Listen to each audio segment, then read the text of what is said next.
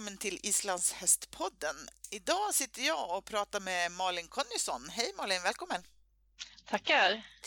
Du är forskare på SLU och på Vången och eh, vi ska prata om återhämtning efter passlöp med dig. Mm. För det har du forskat på. Men eh, innan vi börjar, eh, vem är Malin? Hur skulle du presentera dig för någon som inte känner dig? Eh, jag är ju eh, ja, disputerad eh, agronomidoktor och jag har inriktat mig väldigt mycket på hästar och högpresterande hästar och utfodring och vad det har för effekter på hästar och på deras prestation. Eh, är ju travtjej i grunden, eh, tränar travhäst på min fritid och så. Men har ju blivit lite förälskad i de här islandshästarna allt eftersom de har dykt upp på Vången och, och tagit plats där. Mm. Eh, och på, på Vången så jobbar jag som eh, forskningsansvarig. Jag försöker initiera forskning eh, utifrån islandshästbranschen och utifrån travbranschen och sen så undervisar jag på hippologprogrammet både för travhippologerna och islandshästhippologerna. Du, det här med återhämtning efter passlöp då. Eh, ni har gjort en studie runt det. Kan du ge oss lite bakgrund till den här studien? Eh, vad var det ni ville veta? Varför gjorde ni studien? Jag känner ju Gudrun Stefansdotter lite eh, på Olar och när jag läste hennes studier om ja, men hur pass fysiskt ansträngande det var för islandshästarna att genomföra en del av den träningen som de gör och, och tävlingen eh, så vart jag lite förvånad över det här med återhämtning därför att på galoppsidan och på travsidan så vet man att en aktiv återhämtning gör att eh, mjölksyranivåerna går ner och då blev man lite nyfiken på hur stämmer det här på islandshästar? Då? Mm. Hur eh, genomförde ni studien då? Ja, men då hade jag så tur så jag hade en hippologstudent som skulle göra sitt examensarbete.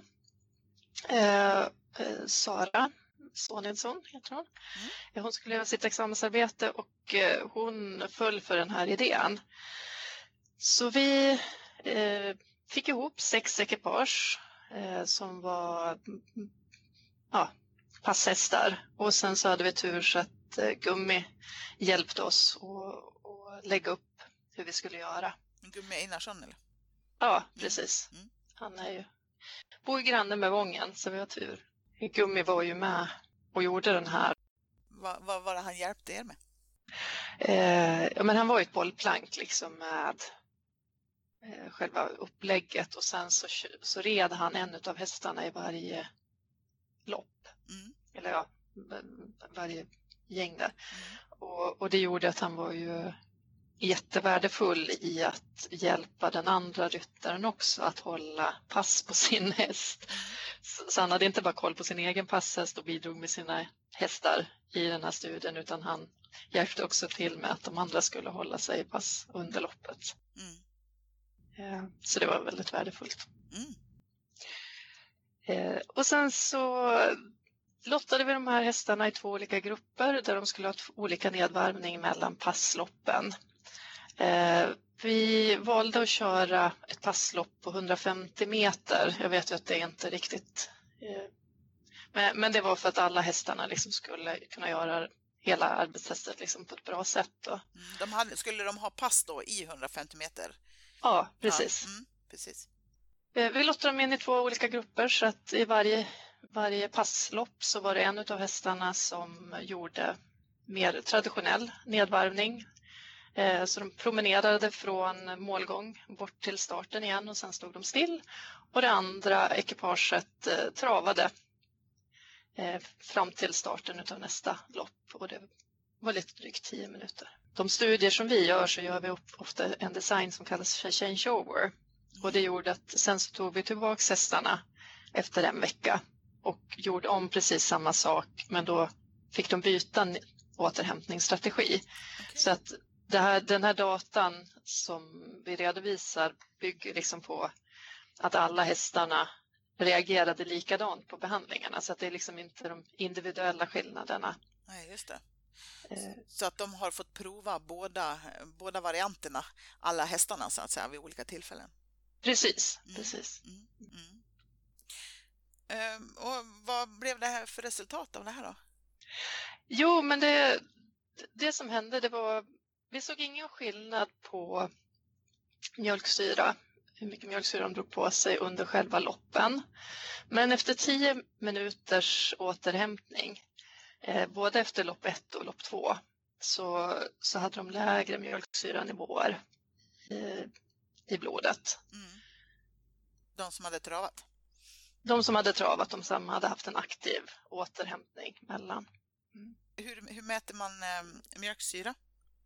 Man tar ett blodprov mm.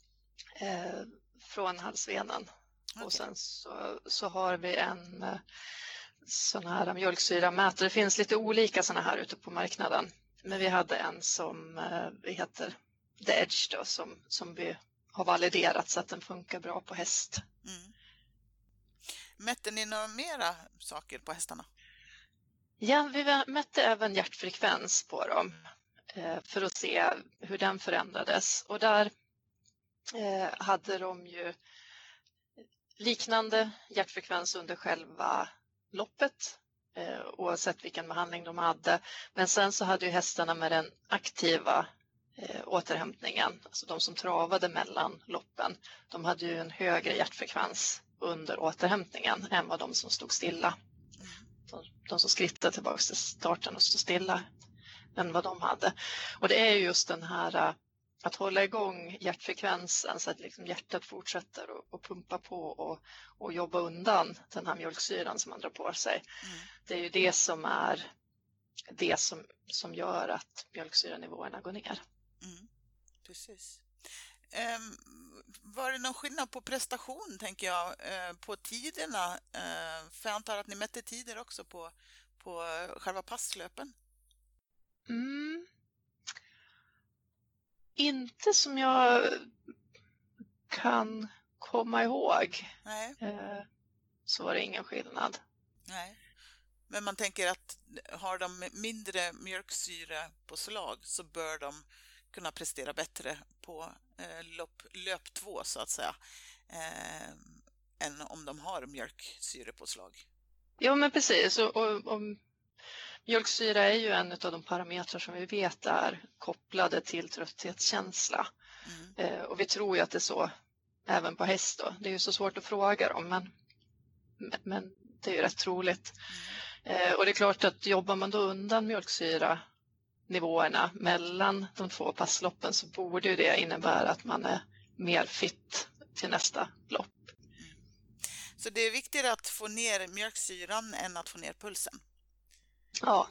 Och egentligen är det, vill man inte få ner pulsen alls då, tänker jag, eller alls, men, men inte till vilopuls för att då, då transporteras inte mjölksyran iväg helt enkelt. Nej, inte, alltså att hålla upp Eh, hjärtfrekvensen efter att de har gått ett fysiskt ansträngande pass mm. är ju ja, men positivt för att, att jobba bort eh, ja, men den här syreskulden då, som man drar på sig i samband med ett hårt intensivt arbete. Mm. Ehm, jag tänker att det, att det kan vara olika i tävlingssammanhang eh, och i träningssammanhang om man nu tränar passlöp till exempel. Mm. Ehm, för jag tänker att stämmer det att man kan, man kan höja eh, deras mjölksyrenivå, alltså vad de, vad de tål i mjölksyra, så att säga? Förstår du min fråga? Mm, mm, mm. Det borde ju vara en del av träningen, mm. att, att även lära sig att tåla mjölksyra och hur det känns. Liksom. Mm. Sen som sagt det är så svårt att i och med att vi inte kan fråga hästarna så är det svårt att säga hur de upplever det. Eh, men det ska man väl absolut kunna tänka sig att man under träningssammanhang att inte jogga mellan därför att eh, ja, men, de ska träna sig på att även tåla mjölksyra. Mm. Eh, och samtidigt så är det ju när hästarna blir trötta och får en trötthetskänsla så ökar man ju också skaderisken. Så det är ju liksom, det är en liten balansgång mm. det där. Ja, precis. Och sen så tänker jag att efter om man har tränat ett eller två eller tre eller fyra hit beroende på hur man lägger in det så är det ju det som definitivt är viktigt är ju att eh, låta dem varva ner efteråt. Alltså ha någon typ av aktivitet där de fortsätter att hålla upp hjärtfrekvensen. Mm. Men om man nu tänker då optimal återhämtning vid en tävling, vid ett mm. passlöp. Mm. Är, är det, ska man göra skillnad på mellan passlöpen och efter? Jag skulle nog jogga även efter. Mm. Och då är det trav som gäller? Eh, nu, ni har ju så mycket gångarter att välja på. ja, vi har ju det. jag tänker en gångart som är snabbare än skrift. Alltså, det ska ju vara någonting som driver lite hjärtfrekvens ja. som man, man liksom kommer upp i. Men sen om man har en häst som är eh, mer avslappnad i tult eller i trav eller alltså vilken gångart spelar ju mindre roll utan ja. mer än där man liksom kan vara avslappnad och, och ja, men, flåsa på och liksom. Ja. Men ändå hålla upp. Mm. Så det är lite individuellt på vilken häst det är helt enkelt. Om de ja, men precis. kör, kör tölten på väldigt mycket spänning så då kanske inte det är den bästa gångarten utan då släpper man dem till trav. ja, mm. Mm. precis. Men hur länge ska man hålla på då? Fem, tio minuter. Mm. Det spelar ingen roll hur långt utsatt de har blivit för ett löp. Det beror ju lite på hur pass mycket mjölksyra de drar på sig också och hur, hur trötta de är. Så det är nog lite individuellt. Vi har ju liksom inte tittat på exakt tiden man ska hålla igång efteråt. Och jag tänker där på, på travsidan så joggar man ju i möjligaste mån ett eller två bakvarv i liksom lungtrav efteråt. Just bakvarv? bakvarv. tusen meter i, det, i den riktning på travbanan som, som man inte tävlar i. Okej, okay, okay, ja. Så det, det, är bakvarv. Rätt varv då, då kör man som man eh, gör när man eh, tävlar. Mm. Så vad sa du i traven där, hur, hur långt kör ja, de bakvarv? Ja, Eller hur länge? 1000 till 2000 meter så att det handlar ju om ja, men någonstans där 5 till 10 minuter mm. totalt. Är det här något som, jag tänker att även om man inte kör passlöp, om man kör ett, en intervallträning till exempel med sin häst, där man kanske också drar på sig en del mjölksyra.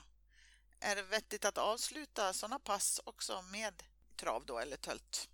Absolut, mm. absolut.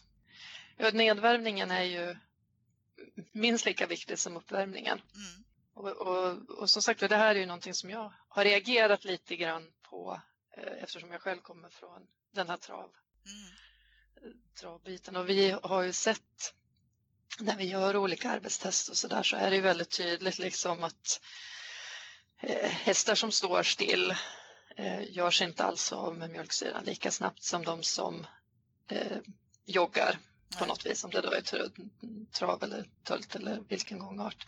Mm. Eh, och sen så är det också att hästar som skrittar, de eh, görs inte av med mjölksyra eh, snabbare än om de står still. Så att, att stå still och skritta ger ungefär samma effekt okay. på mm. att göra sig av med mjölksyra. Mm. Men det kan man ju också se på de här, till exempel skidåkare, på människor. När de kommer i mål så, så är de utpumpade. Då slänger de sig upp på en testcykel och sitter och trampar. Jag antar att det är samma, samma tanke där, att göra sig av med mjölksyra. Precis, det är precis samma. Mm. Intressant. Mm. Eh, ja, men då får vi göra en rekommendation här till, till alla ryttare som eh, rider sin häst så att den får mjölksyra att eh, hjälpa dem eh, i alla fall i tävlingssammanhang hjälpa dem att bli av med, med den mjölksyran för att kunna prestera ännu bättre genom att trava 5-10 minuter eller tölta. Ja, mm. absolut. Vad bra. Tack snälla Malin för att du tog dig tid att berätta om det här. Tack själv.